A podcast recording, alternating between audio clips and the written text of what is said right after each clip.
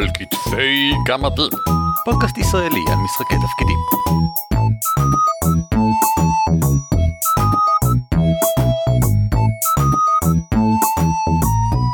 שלום, וברוכים הבאים לפרק 180 של על כתפי גמדים, פודקאסט ישראלי העוסק במשחקי תפקידים. שמי הוא ערן אבירם. נעים מאוד, אני אורי ליפשיץ. והפעם אנחנו מדברים על מייל שנשלח אלינו ממש לפני כמה ימים בידי אחד איתמר וייסברג. והוא מדבר על נושא מעניין. אה, משחק חוזר, כך הוא כותב בכותרת של המייל, משחק חוזר. אני מקריא. שלום למאותגרים גובהית, גזען.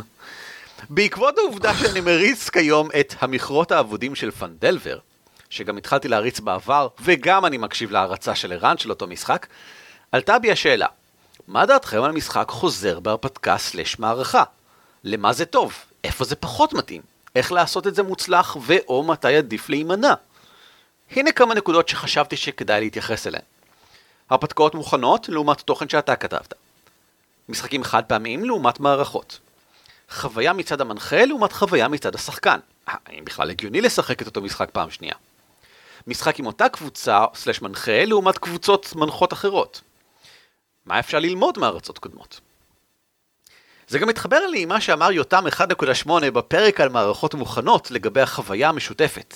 רק שהפעם זו חוויה שמשותפת עם עצמך. איתמר המשחקן וייסברג. אך, יותם 1.8, הזמן עובר כל כך מהר. אני אבהיר כמה דברים. דבר ראשון, המכרות האבודים של פנדלבר, זה השם של ההרפתקה שבערכת ההתחלה של מבוכים ודרקונים 5, היא הרפתקה מצוינת. אני סיימתי להריץ אותה בדיוק שבוע שעבר, ואפשר להקשיב אה, או לצפות בכל 20 הפרקים, הקלטנו את זה אה, אצלנו באתר, אם אתם רוצים. זה היה יוצא מן הכלל, וזה לחלוטין, לדוגמה, אה, מערכה שאני מתכוון להריץ שוב פעם. באמת, אז זה באמת מאוד רלוונטי אלינו.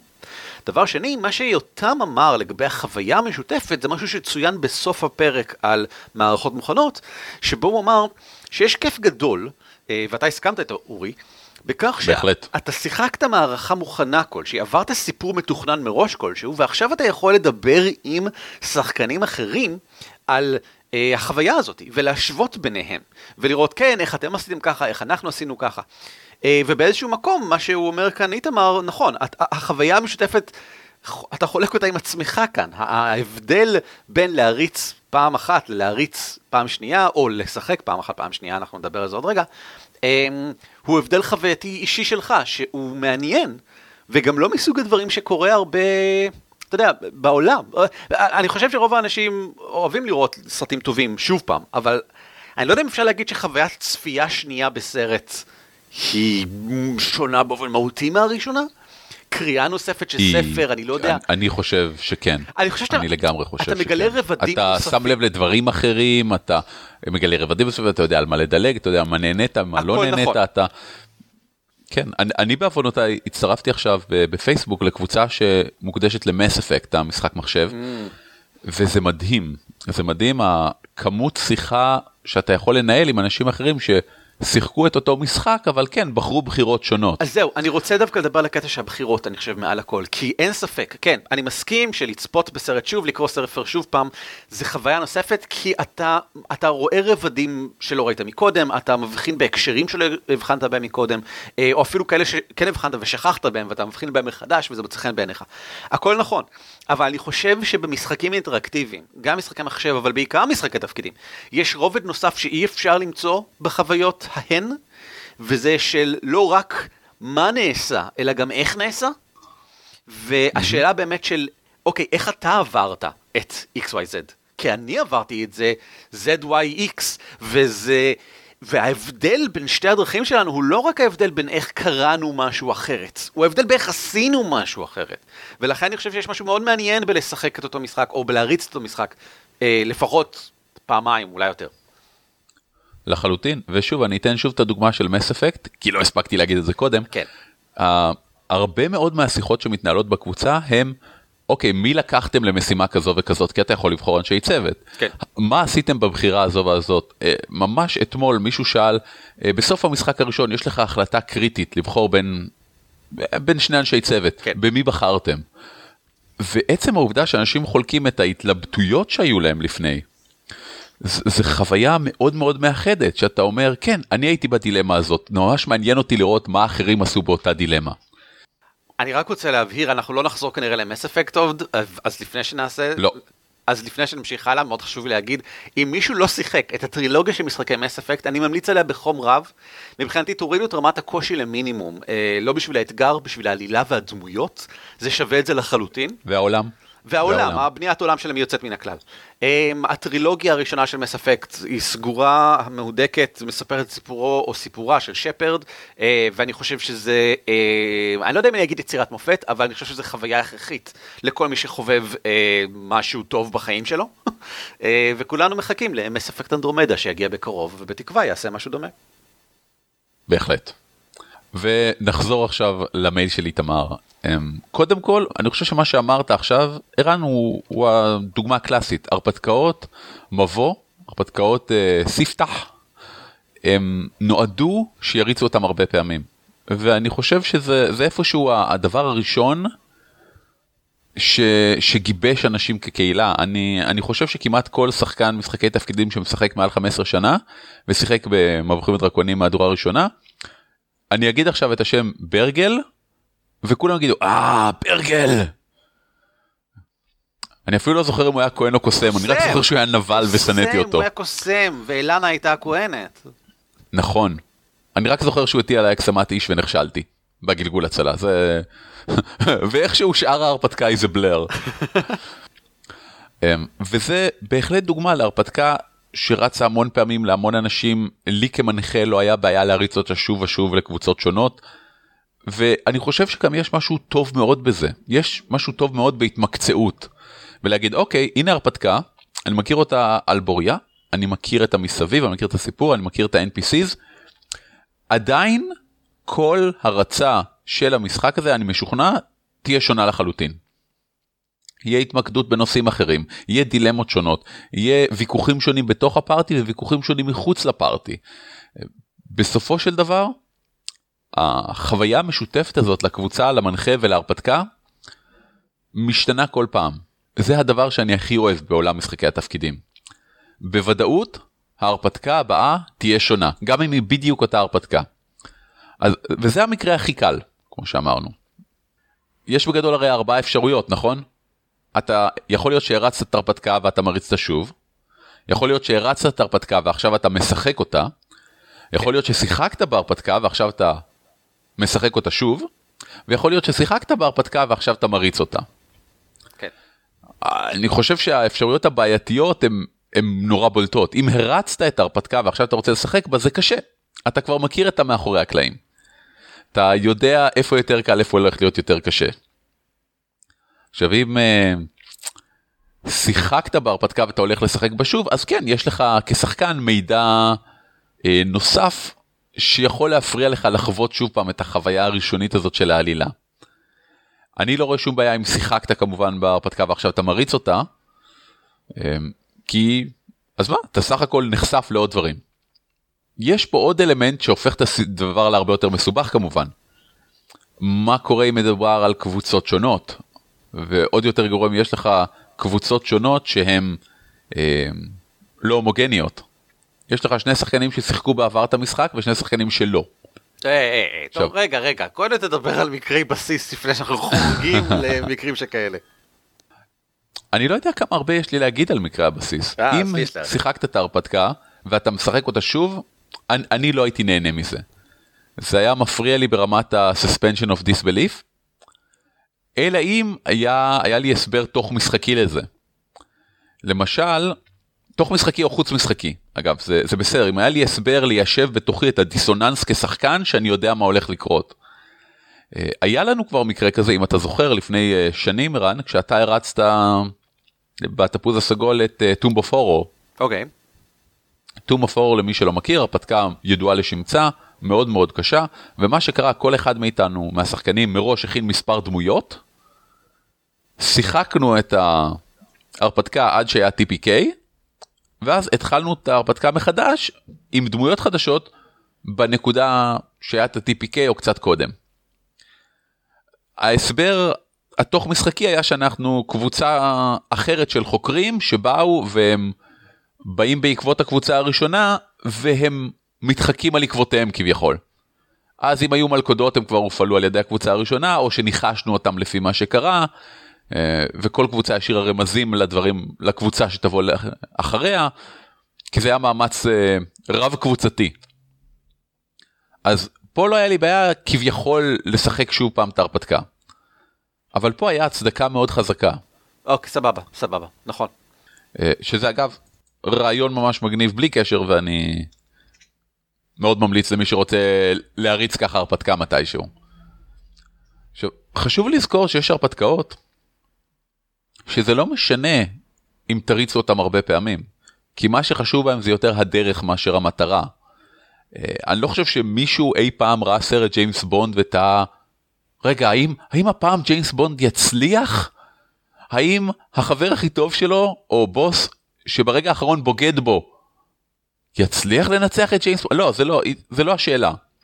השאלה היחידה שמעניינת זה איך ג'יימס בונד ינצח את כל האנשים הרעים. אני, אתה זה השאלה היחידה שמעניינת. שאני רוצה עוד רגע אה, להרחיב עליו הרבה, כי אני חושב שזה מעניין במיוחד בשיטות שבהן השאלה של איך בכל מקרה לא הייתה רלוונטית, כי זה, זה פותח את זה הרבה יותר. טוב, אני מרחיב, סתם, עוד רגע אני ארחיב בכל מקרה. תמשיך, תמשיך, אני רושם לי כרגע, רושם בצד, אה. בבקשה.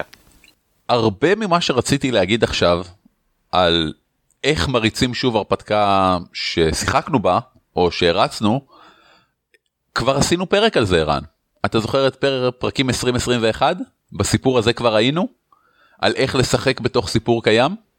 עם היסטוריה אלטרנטיבית או לשחק לפני או אחרי התרחשויות. וזה ממש יפה בעיניי שאפשר לקחת את כל הדברים משם ולהכיל אותם על הרצאה של אותה הרפתקה לאותם שחקנים. בסדר, אתם הייתם כבר במבוך הזה, ועכשיו אתם הולכים אליו שוב שנה אחרי.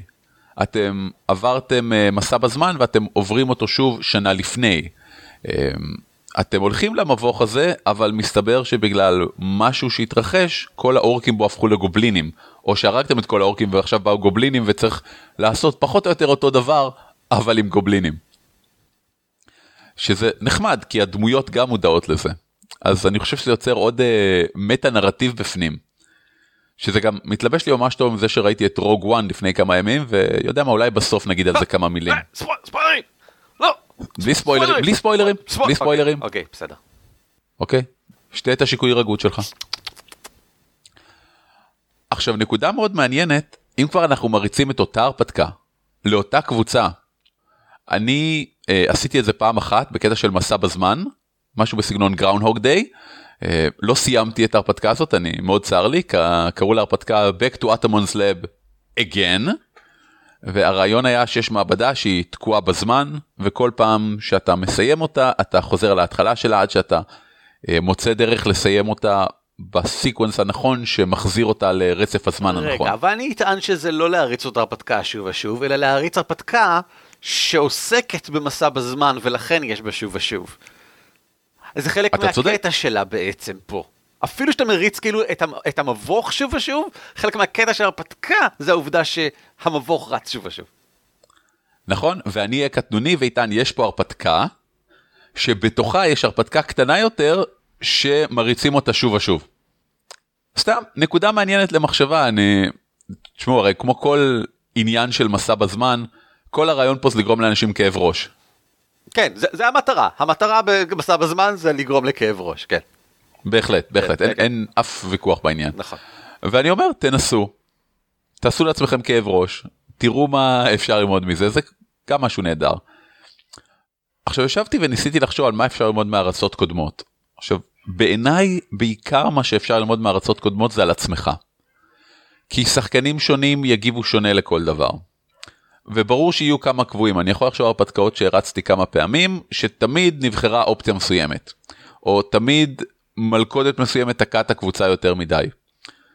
ואני במקרים כאלה פשוט אשנה את זה לאורך זמן. אני רואה ששתיים שלוש קבוצות נתקעות באותה נקודה, ושהיא לא מעניינת, אז טוב, אני אוריד את הנקודה, אני אהפוך אותה לקלה יותר, אני אתן אפשרות לעשות בייפס לזה. קרבות ארוכים מדי או קשים מדי, חידות שחוזרות על עצמם ולא מעניינות, NPCs שהם רק information dumps. אני ממש ממש בעד לשנות ההרפתקה על הקבוצה ולכן אה, מראש השאלה הזאת פחות עולה לי. מבחינתי להריץ את אותה הרפתקה לקבוצה חדשה זה הרצה חדשה לגמרי. כי מה שאתה יוצר עם השחקנים שמולך הוא ייחודי והוא לא יחזור. אני חושב שזה מעניין שעברת על כל המייל שלו בעצם נקודה נקודה ופירטת אותן כי עכשיו אני אעשה סוג של אותו דבר. ואעבור לנקודה נקודה, אבל אני חושב שכל מה שלי יש להגיד ספלמנט um, את מה שיש לך להגיד. אז אחר כך אני אערוך את הקטעים שלי ואשים אותם מיד אחרי הקטעים, לא, אני לא, אין שום סיכוי בעולם שזה קורה. קהל יקר, ספלמנט, להשאיר, להוסיף, לה... כן. להרחיב. אז בוא, נחזור, בוא נחזור לנקודה הראשונה, בגלל שזה בדיוק מה שאתה אמ, אמרת, אני אסכים איתו, ואחזור על מה שאמרת כדי להזכיר לכולם. אה, הרפתקאות היכרות. כמה טוב להריץ אותן שוב ושוב. ואני אגיד שיש לי לזה כמה סיבות. דבר ראשון, כי הרפתקאות ההיכרות שאני מריץ שוב ושוב, הן פשוט ממש טובות. Uh, Edge of the Empire, הרפתקת ההיכרות שלהם, היא יוצאת מגדר הרגיל בכמה שהיא הרפתקה מצוינת. Uh, ההרפתקה של uh, מכרה של פנדלבר הפכה להיות הרפתקת המתחילים המו... הכי אהובה עליי של מבוכים ודרקונים אי פעם. ואני לא יודע אם התחרות מאוד קשה, אני חייב להודות, אבל עדיין, ממש ממש לטעמי. אה, ואני בטוח מתכוון להריץ אותה שוב פעם. את הרפתקת המתחילים של Edge of the Empire הרצתי לדעתי כבר תשע פעמים.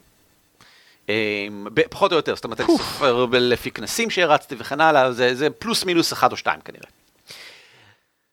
היתרון העיקרי, חוץ מזה שהן טובות, זה גם שאתה לא צריך ללמוד אותן מחדש. זאת אומרת, אם אתה רוצה um, להריץ um, הרפתקת מתחילים למישהו, אז uh, כדאי שתהיה לך הרפתקה מאוד טובה, ואין שום סיבה שתלמד הרפתקה חדשה, אתה תרצה להריץ כבר את מה שאתה מכיר. כשאתה מריץ הרפתקה למתחילים, אתה לא, המטרה העיקרית שלך זה לשרת כאן איזשהו uh, כלי, איזשהו תפקיד, אתה רוצה ללמד את השיטה, או ללמד משחקי תפקידים בכלל, וזה, בשביל זה חבל סתם ללמוד כל פעם הרפתקה חדשה, זה נראה לי טיפשי. קח את האחת הטובה ותריץ אותה שוב ושוב ושוב ושוב. ואני חושב שהיתרון הגדול שלהן מבחינתי כמנחה, ואני התחלתי להגיד לעצמי, זה כנראה הסממן הטוב של כל הרפתקה טובה שאתה רוצה להריץ שוב ושוב, גם אם היא לא הרפתקה למתחילים, זה שיש בה הרבה מרחב פעולה. כלומר, דברים יכולים לקרות בסדר אחר או להיפטר בדרכים שונות, באופן די משמעותי. כי אז המנחה יכול להיות מופתע מהשחקנים. אתה מבין? אז, אז זה, זה כיף לי כמנחה, כשאני לא יודע מה עומד לקרות בעצמי אפילו, כשאני בא להריץ את ההרפתקה הזאת. אה, אז בוודאי שאני אריץ אותה שוב ושוב ושוב, כי למה לא? אין, הידיעה הם, לא פותרת מעונש. הידיעה לא מאלצת אותי, אתה יודע, לא, לא, לא דוחפת אותי למסלול אחד צפוי מראש, זה לא ישעמם אותי, אני, אני גם כן, זה קצת כמו הרפתקה חדשה באיזשהו מקום. Hmm. זה לא לחלוטין נכון במקרה של פנדלבר. פנדלבר יודעת מה היא רוצה להגיד, אבל כל מי שהקשיב להערצה שלי של פנדלבר ומכיר את פנדלבר, יראה הבדל עצום בין השתיים. לא מבחינת המבוכים שהם עוברים או סוגי האויבים שלפניהם, אלה נשארו בדיוק אותו דבר, אלא מבחינת מה שקורה בהן. בפנדלבר הבסיסי יש אויב מסוים, צריך להילחם בו בשביל מטרות מסוימות וכן הלאה. בפנדלבר שלי, האויב עושה את זה מסיבות שונות, או אולי יותר נכון, אנחנו, ההרפתקנים שלנו, מנסים להגיע לשם מסיבות שונות, דמויות אחרות הפכו לחשובות, והדבר החשוב שלי כמנחה היה לזרום עם זה. Um, כבר דיברנו על הרצה של הרפתקאות uh, מוכנות ואיך כדאי לזרום עם השחקנים בכל מקרה ולעשות להן התאמות, אז אני לא אחזור על זה כאן, אבל זה ללא ספק אחד מהדברים שהופכים את פנדלבר למאוד נוח מבחינתי להרצה חוזרת, ויום אחד אורי, אני אולי אריץ את זה גם לך. אבל כל זה מבחינת אה, מנחה. מבחינת שחקן, אני חושב, אני מסכים איתך לגמרי, שלשחק פעמיים באותה מערכה מבין ארבעת השילובים, נראה לי הכי פחות סקסי. אבל אני לא כל כך מסכים לגבי לשחק אחרי שכבר הרצת. וזה בגלל שראיתי דוגמה לזה קורה באופן מעניין. במערכת פאת'פיינדר שאני משחק עכשיו, יש לנו שחקן, רפי, שמריץ את המערכה הזאתי שאותה אנחנו משחקים. אה, באחד מהחוגים לילדים שלהם הוא מריץ. והוא מדבר על זה לא מעט, זאת אומרת, היום היה לנו איזשהו סשן גדול, אני אתן קישור בהערות של הפרק, זמלופיה חזק, כל מיני דברים כאלה, היה ראיון עם שרת שדים. זמלופיה? ש... אין זה מן הנמנע? חזרה? יפה מאוד, נכון מאוד. ואחרי הראיון, אחרי שהסתיים הסשן, לא באמצע הסשן כמובן, כי אתה לא רוצה להפריע, אבל אחרי שהסתיים הסשן, רפי אומר, וואי, זה היה כל כך שונה מאיך שזה היה אצלי, כשאני עשיתי את זה, הילדים היו ככה וככה. זאת אומרת, הוא חלק איתנו חופשי לגמרי, זה לא איזשהו סוד. ואני חושב שאני מרגיש את זה גם במהלך המשחק. אני חושב שאני רואה איך רפי, בגלל שהוא יודע מה עלילתית עומד לקרות, ובגלל שהוא לא מוטרד מהשאלה העלילתית, איך נעשה, האם נעשה, כי זה בכלל לא, זה בכלל לא שאלה מבחינתו. אה, הוא פשוט יכול להתמקד בדמות. והוא פשוט מגלם את הדמות שלו, הוא נהנה לגלם את הדמות בתוך המרחב שהוא כבר מכיר. בגלל שהוא יודע מה עומד לקרות, הוא יכול להתחיל לבנות אה, קשת רגשית עבור הדמות הזאת. אה, עכשיו הוא יותר מאוכזב, עכשיו יש לו משבר אמונה, כי הוא יודע שעוד מעט יקרה משהו שיעזור לו להתגבר על זה, וזה מעניין אותו לשחק את הדמות הזאת. עכשיו, בגלל שאנחנו משחקים פאת'פיינדר, שהיא ברובה... אה, אני, מה שאני אגיד עכשיו יישמע אה, מעליב, אבל זאת לא הכוונה שלי בכלל. אה, אוסף של קרבות עם סיבות אה, לעבור ביניהם. פאת'פיידר היא שיטה שעוסקת ב, ב, מבחינה טכנית בעיקר בלחימה והתגברות על אתגרים. אז רוב ההרפתקאות שלהן הן בעיקר זה. אני לא אומר את זה כדבר שלילי, אני חושב שזה כיף גדול. וכולנו חושבים שזה כיף גדול. וגם מבחינת רפי למשל, הוא נהנה לשחק דמות עם מאפיינים מסוימים, כהן, עם יכולות כאלה ואחרות, ולראות איך היא מתמודדת עם הקרבות שהוא כבר יודע שבאים. לא אכפת לו, כי זה לא חשוב. אני, אני, אני, אני מתיישב לשחק משחק לוח, כן? אני יודע mm-hmm. מה עומד להיות במשחק הלוח הזה, זו פעם שלישית שאני משחק אותו. אני לא כיף לי לשחק אותו? כיף לי. כי אני נהנה מהפן הטקטי שלו. אני חושב שזה מה שרפי מרגיש מהבחינה הטכנית, ואני חושב שמבחינה של הגילום דמות, כמו שאמרתי מקודם, גם כן ממש נוח לו. אז זה מאוד מעניין לדעתי, שהוא נמצא במצב הזה. אני לא יודע אם כל שחקן יכול ליהנות ככה, אבל הוא בטוח נהנה ככה, אני רואה. טוב, בהחלט אם uh, זה האתגר שאתה באת לשחק, אז להפך, זה נותן לך איזשהו, uh, אני לא אגיד יתרון, כי בסופו של דבר uh, לא באנו בשביל היתרון, אבל נותן לך נכון. מיקוד להתלהבות שלך. אני חושב גם שרפי הוא, הוא שחקן טוב, אתה יודע, שחקן טוב הוא שחקן שזורם מאחרים, שפועל למען טובת ההנאה של כל הקבוצה. הוא לא מנסה להשיג יתרונות לא הוגנים למשל, הוא מנסה להשתמש בשיטה באופן נכון ומדויק, שזה משהו שחשוב לכולנו, אה, בתור שחקני פאת'פיינדר. טוב, אני, אני פשוט אגיד פה בחצי מילה, כי אני לא רוצה לפתוח את הדיון, אה, אני לא מאמין במונח הזה של טוב. אה, יש שחקן שמתאים לקבוצה, ולא מתאים לקבוצה, זה כל מה שאני חושב. אני זורם ממה שאתה אומר, בסדר, נכון. נש, נשאיר את זה לפרק אחר, אה, או שנשלח אתכם להקשיב לכל הפרקים שלנו, כי דנו בנושא הזה אלף פעם. אמ, מילה אחרונה לגבי הרצה מחדש של אותה מערכה. התחלתי להגיד מקודם שישנן שיטות שבהן אמ, אתה מריץ מחדש מערכה בצורה אחרת לחלוטין, כמו, כמו עשית את ג'יימס בונד שדיברת עליהם. אה, והדוגמה הכי טובה לזה לדעתי זה אמ, המערכות המוכנות של עולם המבוך. של Dungeon World, ואנו. אני אתן קישור לכמה מהבולטות אה, המעניינות, מד, על סף אני, מדהימות. אחד מהדברים הטובים שקראתי בתחום משחקי תפקידים אי פעם, Cold Ruins of Last Life ו-Last Days of Angel Kite, אה, שהן שתי מערכות, זאת אומרת, הן מספקות אה, רקע, אה, אויבים, דברים לעשות, אה, חזיתות, שזה קצת כמו הרפתקאות. אה, תיאורים, דברים, מכניקה נוספת בשביל אה, דמויות, אתה מקבל את הספר הזה, וכמנחה יכול פשוט להריץ מערכה שלמה שמתרחשת בו, ומגיעה לידי איזשהו סיום. ואז אתה יכול לעשות את זה שוב פעם.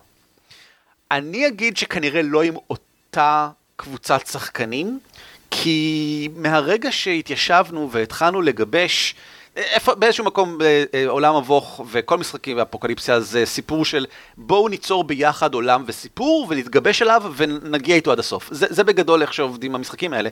אז אם כבר עשית את זה עם אותה קבוצה, פעם הבאה הקונוטציות שלכם וההשראה שלכם כבר, כבר נעולה על מה שעשיתם פעם שעברה. אז אני לא חושב שזה אידיאלי. אבל זה יכול להיות מאוד מעניין. אם, אם, אם עושים את העירוב שעליו דיברנו מקודם. אם אתה מביא שני שחקנים שלא שיחקו את המשחק הזה מקודם, ושם אותם עם שני שחקנים שכן שיחקו את המשחק הזה מקודם, יצא משהו חדש לגמרי, שיפתיע גם את שני השחקנים שכבר שיחקו אותו מקודם, בגלל שזה כבר לא אותו דבר. יכול להיות שהחזיתות בגדול יהיו דומות למה שהיה מקודם, אבל האופן שבו הם פתחו, וההשלכות שלהם, והמשמעויות של דברים, ואפילו, אתה יודע, המטאפיזיקה של העולם, איך דברים פועלים בעולם, הקסם בעולם וכן הלאה, יושפע מאוד, באופן מאוד משמעותי על ידי המשתתפים, כי ככה זה במשחקים של מוני אפוקליפסה, ולכן יהיה לך מערכה אחרת הפעם. ולכן אלה הם ספרים מאוד יוצא דופן, כי הם, ובכן זו שיטה יוצא דופן, כי הם, אתה קונה אותם פעם אחת ויכול להריץ אותם הרבה פעמים. אני לא יודע אם זה יקרה, בגלל שיש את הבעיה הקלאסית של, טוב, זה מגניב, אבל יש עוד דברים מגניבים ואני רוצה להריץ גם אותם, אז פעם הבאה אני אריץ משהו אחר, כי זה מגניב. למה להריץ את אותו דבר שוב פעם? כאילו, זאת בעיה אחרת, נשים אותה כרגע בצד. אבל, אבל אפשר, אפשר להריץ אותה שוב פעם. והאמירה האחרונה שלי זה לגבי מה ללמוד מהרצות קודמות. אתה דיברת על הצד, אה, אני אגיד אולי החווייתי, במהלך מה שקורה mm-hmm. ממש מסביב השולחן, אם הדבר שזה לא מעניין, אם הוא סתם info dump אז נשנה אותו. ואני רוצה לתת זווית אחרת, אה, בהשראת בין היתר ה playtest שלאחרונה העברתי. אז כמובן ש playtest זה פשוט להריץ את אותה הרפתקה שוב ושוב, אז, אבל זה לא חוכמה, כי אנחנו מדברים על מה אתה יכול ללמוד מהרצה של הרפתקאות, גם אם אתה לא בא לעשות לה playtest, סתם הרצת את ההרפתקה שוב ושוב, מה תלמד לפעם הבאה. אז אני חושב שהדבר הכי חשוב כאן זה להבדיל בין מה שהחבורה הספציפית הזאת עשתה, לבין מה שההרפתקה מספקת. בגלל שזה משהו שמאוד קל להתבלבל לגביו, במיוחד אם אין לך ניסיון בלהריץ את אותה הרפתקה שוב ושוב, אמ, ואתה עלול להתקבע יותר מדי על מה שעשתה החבורה. אם אני אקח דוגמה מהערכת התחלה של Edge of the Empire, אם החבורה הגיעה אה, לשיחה עם ה junk dealer, ובשיחה עם ה junk dealer הם הצליחו להרים עליו ולקחת את ה, אה, מה שלא צריך ממנו אה, בלי תשלום, אז אתה תחשוב, אה, זה קל מדי, פעם הבאה אני אעשה שהוא יהיה קשוח יותר ואי אפשר יהיה להרים עליו, אה, כי זה לקח זמן קצר מדי. ובכן, מניסיוני, לפעמים הסצנה הזאת לוקחת חמש דקות, כי יש גלגול טוב, או כי השחקנים עשו מהלך מאוד מוצלח וכן הלאה, ולפעמים היא לוקחת 25 דקות. בגלל שיש גלגול רע, וגלגול רע הוא לא באמת רע, הוא מעניין, דברים הסתבכו, דברים עובדים אחרת, יש אינטראקציות חדשות. זה לא דבר שהוא רע בהרפתקה, זה דבר שקרה עם חבורה מסוימת שרצה דרך זה. אז זה משהו מאוד חשוב לשים אליו לב. ואני אטען אה, שכדאי להסתכל על משהו נוסף. אם החבורה mm-hmm. פרצה לאחוזה בדרך לא צפויה ובזמן שלא תכננת בהרפתקה, זה לאו דווקא אומר שאתה צריך לחזק את האחוזה. אני חושב שאתה צריך לשאול את עצמך, מה גרם להם לרצות לעשות את זה דווקא עכשיו ודווקא ככה? ואז לשנות את ההרפתקה בהתאם. כי אם מבחינתך הם לא אמורים היו להיכנס לכאן, בין אם כי ההרפתקה המוכנה אמרה את זה, או בין אם כי ההרפתקה שכתבת לעצמך, אה, לא, לפיה פשוט לא היה שום תכנון שהם יבואו לכאן, אבל החבורה עשתה את זה בכל זאת, אז כשאתה בא להריץ את ההרפתקה הזאת עוד פעם, תהיה מודע לכך שייתכן שאתה נותן להם, דרך ההרפתקה, דרך האופן שאתה מריץ אותה, את האינטרס להיכנס לאחוזה הזאת בזמן ובמקום הלא נכון, אני עושה במרכאות. הדבר העיקרי שאני לומד מהארצות זה לא איך השחקנים משתמשים בדמויות כדי להתגבר על האירועים, אלא מה השחקנים החליטו שהם רוצים לעשות. ולמה? ולמה. כן, כן. ו- וזה אני חושב הדבר העיקרי שאני לומד לפעם הבאה. למשל במקרה של um, הרפתקאות מוכנות למתחילים, משהו מאוד חשוב שלא כל כך קורה במקומות אחרים זה uh, לחץ זמן. בדרך כלל, uh, מסיבות כאלה ואחרות, יש לי סלוט של רק שעתיים להריץ אותן. אז מאוד חשוב שאני אזכור גם כמה זמן לוקח כל דבר. ואם יש סצנה יותר מאוחרת שאני חושב שהיא חשובה ומעניינת וכן הלאה, אז מהרצות קודמות אני יודע שכדאי לתת פחות זמן לסצנה הזאת, כי בסופו של דבר היא תהיה פחות מספקת לשחקנים. אז אני אצמצם אותה קצת, ואז נוכל לרוץ קדימה ונדלג על איזשהו גלגול שהיה צריך או whatever. זה גם כן משהו מעניין, אם כי אני לא בטוח עד כמה רלוונטי בעצם לכל דבר שאינו אה, משחקים חד פעמים. מעניין. נראה לי שהתייחסנו לכל מה שאמר איתמר וייסברג, חוץ מנקודה אחת, אה, הוא שואל ספציפית, מתי עדיף להימנע?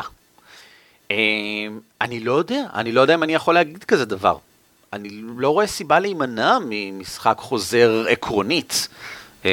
אם זה לא יהיה כיף למישהו. בוודא, כאילו, אם מישהו בדיוק. מהשחקנים אומר וואלה אני לא רוצה לשחק במשחק הזה כי כבר שיחקתי את ההרפתקה הזאת ואני לא אוהב את התמה אני לא אוהב את הסטינג אני לא אוהב. זה סיבה טובה מאוד להימנע. אולי אני אציין משהו אחד שאני אני לא בטוח שאפילו צריך להתייחס אליו. אם שיחקתם מערכה או משחק חד פעמי והוא היה ממש ממש, אתם זוכרים אותו טוב והוא היה איקוני ומשמעותי, אני בהחלט אמליץ להימנע ולא להריץ אותו שוב פעם לאותה קבוצת אנשים, אפילו לא לאחד מהם. אה, אולי אפילו תרצה כמנחה לא להריץ אותו לאף אחד יותר אף פעם, כדי לזכור אותו כמו שהוא ככה, ולא לשנות אותו. אה, יש מספיק דברים להריץ בעולם, לא צריך להריץ אותו דבר פעמיים, אם לא רוצים. סבבה, אני חושב שאמרנו את כל מה שיש להגיד בהיסטוריה של המין האנושי. זה נשמע נכון. אולי הגיע הזמן לעבור לגמדים החופרים. הגמדים חופרים. זהו קטע בתוכנית שבו אנחנו מדברים בקצרה על דברים מעניינים שקורים לנו, כי אנחנו חושבים שהם מעניינים גם אתכם. ואם אנחנו טועים, תעצרו עכשיו! או אם אתם המשכתם אז יופי, מצוין. כן, אורי, מה, על מה יש לך לחפור? האמת זה נשמע קצת קצת קצת דיסאונסט להגיד שאנחנו מדברים בקצרה על משהו כשקראנו לסגמנט הזה הגמדים חופרים. אני רוצה לחלוק עם מאזיננו את זה שלא רק שבמהלך השבוע האחרון ראיתי את רוג וואן, סטאר וורס טייל! אלא אני ראיתי את זה בהקרנה מיוחדת של האגודה הישראלית למדע בדיוני ופנטזיה, מה שאומר שלפני הסרט היו מספר הרצאות, ארבע, וואו. שהיו רלוונטיות, אחד מהם של אבנר שחר קשטן, שהיה תקציר של הרצאה שהוא העביר באחד מכנסי אייקון העולמות על הקאנון של מלחמת הכוכבים, שזה מופרך, יש להם, היה להם חמש רמות שונות של קאנונים ומה יותר נכון ומה פחות נכון וכדומה. כן.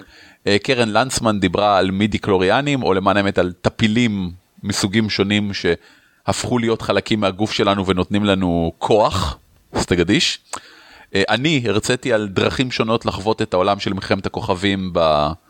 אתם יודעים, בעולם האמיתי שלנו, שזה היה נורא נחמד, אני ארחיב על זה עוד תכף, ויואב לנצמן, דיב שהוא חללולוג אה, ידוע, ושאם אתם אף פעם לא שמעתם אותו מרצה תלכו, ואם אתם לא בטוחים איפה, אז יש לו בלוג בשם מסה קריטית, והוא משתתף בפודקאסט בשם החללית, אנחנו ניתן לינקים בהערות הפרק. אה, מומלץ בחום. עכשיו כחלק מההרצאה הזאת אני גם עברתי על, אתה יודע, כל הדרכים לחוות את העולם של מלחמת הכוכבים, שזה כמובן גם רולפליי. עכשיו, ערן, אתה יודע כמה משחקי תפקידים של מלחמת הכוכבים יש? ארבעה. שלושה. איך ארבעה? איזה ארבעה? על מה אתה מדבר? שלושה. יש את סטאר וורס The Role Playing Game מ-West End Games שיצא ב-87 כן. שאני לא זוכר איזה שיטה זה בדיוק אבל הוא שיחק עם קופששים מה שכבר אומר שאפשר להתעלם מזה. מי משחק רק עם קופששים. כן אני מסתכל עליכם Mechwarriors וכדומה. השני היה Star Wars role playing game של Wizards of the Coast שיצא ב-2000 והיה כל כך מוצלח. אגב אדפטציה של D20 system למי שטועה רגע איזה שיטה הייתה שם. והייתה כל כך מוצלחת שב-2002 עדכנו ושיפרו אותה לגמרי כדי שהיא תעבוד. ואז כמובן ב-2007 שינו אותה לחלוטין שוב. אני אטען שזאתי השיטה הנוספת, ה Saga Edition, זאת הרביעית נכון. בעיניי. זאת אומרת, אני, אני חושב שהיא מספיק שונה.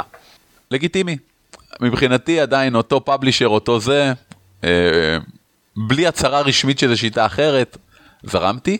אה, והגרסה השלישית כמובן מה שכולנו מכירים אוהבים ה Star Wars role playing game מ-2012 של Fantasy Flight Games שוואו וואו ווואו. שהיא כמובן אדפטציה של Warhammer Fantasy role playing game שהיא מדהימה. וזה נהדר בעיניי זה פשוט נהדר שלקחו את הזמן והמאמץ לעשות משהו יותר מעניין מאשר סתם לראות סרט. כי אתה הולך לסרט של Star Wars ולפני זה יש לך מין framing כזה לשים לב לכל מיני דברים לגבי העולם והיקום של מלחמת הכוכבים ואיך היית מתרגם דברים כאלה לחוויות בעולם האמיתי ואיך זה מסתדר עם איך שחלל באמת עובד. ולי לפחות זה נתן חוויית צפייה שונה לגמרי ב... לסרט בלי ספוילרים. בסדר גמור, מגניב. יפה, אחלה באחלה. חדשות ועדכונים! נתחיל בחדשה שמרכזת בתוכה את כל החדשות האחרות. אם אתם לא יודעים, פעם בשבועיים או פעם בחודש, תלוי כמה חדשות יש בכל חודש, אנחנו שולחים ניוזלטר, שנקרא הניוזלטר שלנו, שבו אנחנו מרכזים את כל מה שאנחנו העלינו וכל החדשות שאספנו מהמהלך השבועיים slash חודש הזה. אתם יכולים להירשם דרך האתר, אה, או דרך עמוד הפייסבוק שלנו, שזה אה, גמדים פודקאסט, או פשוט חפשו על כתפי גמדים בכל מקום באינטרנט ותגיעו אלינו, ו... ואתם יכולים להירשם. ואני קיבלתי השבוע הודעה בדואר, ששאלו אותי, אני אומר דואר, אני מתכוון אלקטרוני כמובן, אמ, האם זה בתשלום? ואני בכלל לא מבין את השאלה. אז לא, הניוזלטר הוא לא בתשלום. שום דבר שאנחנו עושים הוא לא בתשלום. אבל אם אתם רוצים לשלם לנו בכל זאת, תודה רבה. אתם יכולים לעשות את זה דרך מימונה. ומי שעושה את זה, ולא חשוב כמה, לא משנה כמה, חמש שקל לחודש, זה בערך כאילו שקל לפרק, אם אתם חושבים שזה, זה, זה, זה, זה מה שראוי הבידור והמידע העשיר שאנחנו מספקים לכם, מצוין. אה, לא חשוב כמה, אתם תקבלו מסמך חודשי עם כל מיני דברים. והחודש זה יהיה שלוש הצעות לדברים שהשתבשו בזמן שלא היית. שזה מסמך שאני רוצה לעשות כבר המון המון זמן. אה, זה כאילו, הלכת מהעיר, אתה חוזר לעיר. מה השתבש בזמן שלא היית בעיר? אז זה נראה לי משהו שמעניין. בהחלט. My DM senses are tingling. כן. אמ, בנוסף עוד כמה קישורים שנתנו בזמן האחרון ואני חושב שיעניינו אתכם. לפני אה, כשבועיים או שלושה היה את כנס Dragonmeet ואחד הפאנלים שהתרחשו בו היה על מה, חם בעולם המשחקים הסיפוריים, story games. ויש שם, השתתפו שם כמה אנשים אה, די חשובים, אחד מהם גרנט שגם כתב את 11 העצות לאיך להיות שחקן אה, יותר טוב, זוכר? שאיך אפשר לשכוח? ערן, היה שם כמה אנשים די חשובים, אמ, ערן אבירם, אביב אור, אני יכול לזרוק עוד שמות, אבל כאילו... בפאנל, בפאנל הזה היה את הגרנט הזה ועוד כמה חבר'ה. גם אתם הייתם שם. לא בפאנל עצמו, אני רק, אה, אה, אה, לצערי יש לי אותו רק... אה, משתתפים פאנליסטים, אז תגיד, היה פאנליסטים. אה, כן, צודק. וה... ואני ממליץ בחום להקשיב לזה, כי אני חושב שמדברים באמת על כמה מהמשחקים יותר חכמים, יותר מעניינים מהזמן האחרון.